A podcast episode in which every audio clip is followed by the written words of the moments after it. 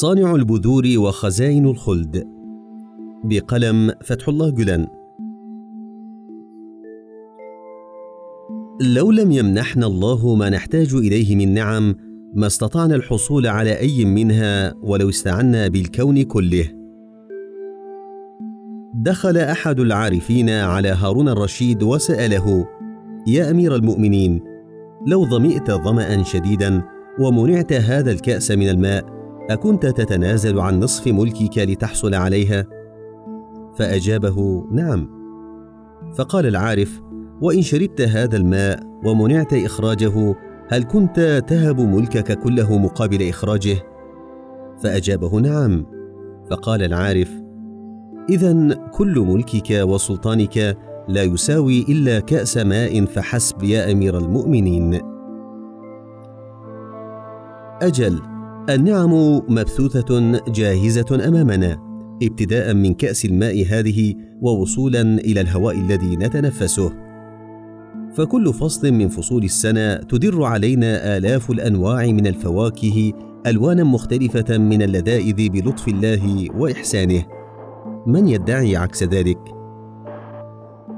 فإننا لا نملك قدرة على إنشاء بذرة. ناهيك عن إنشاء تلك الفواكه.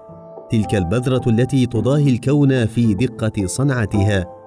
فإحسان الله وسخاؤه علينا مبسوط بجلاء أمام أعين الناظرين في هذه الدنيا. يا لحمق الإنسان الذي يبحث عن كرامات وينقب عن معجزات وكل ما يقع من حوله آية محيرة من آيات الإعجاز. ما أعظم سخاء الخالق على الإنسان؟ وهاهما الشمس والقمر يعملان خادمين مطيعين لنا. تلاطف الشمس رؤوسنا من جانب وتسعى من جانب آخر إلى إنضاج الفواكه والخضار وما نحتاجه من حبوب في الحياة. فلو كان هذا السخاء كله منحصرا في دار الدنيا الفانية المؤقتة لشعرنا بغصة وعذاب إثر تناولنا لكل نعمة كأننا نتجرع كاسا من السم. وذلك بسبب الموت الذي لا يبرح عقولنا لحظة وقد يداهمنا بغتة دون سابق إنذار. فزوال النعمة ينبهنا إلى زوالها كليا وحرماننا من جميع النعم التي كنا نتقلب فيها. زوال النعمة يحول التنعم بها الما والأفظع من ذلك أنه يذكرنا بالعدم الأبدي الرهيب.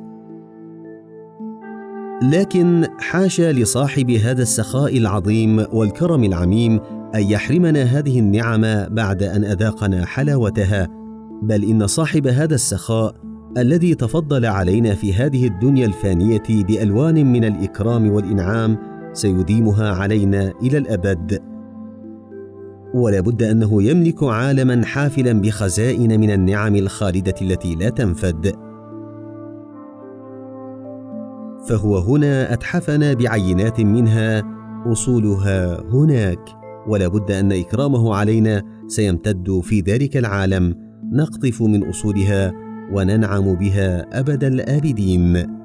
وإن ادعاء العكس يشوه تلك الصور ويبهت رونقها ويمرر مذاقها وذلك يتناقض مع قداسة الذات الإلهية سبحانه وتعالى عن كل نقص وعيب.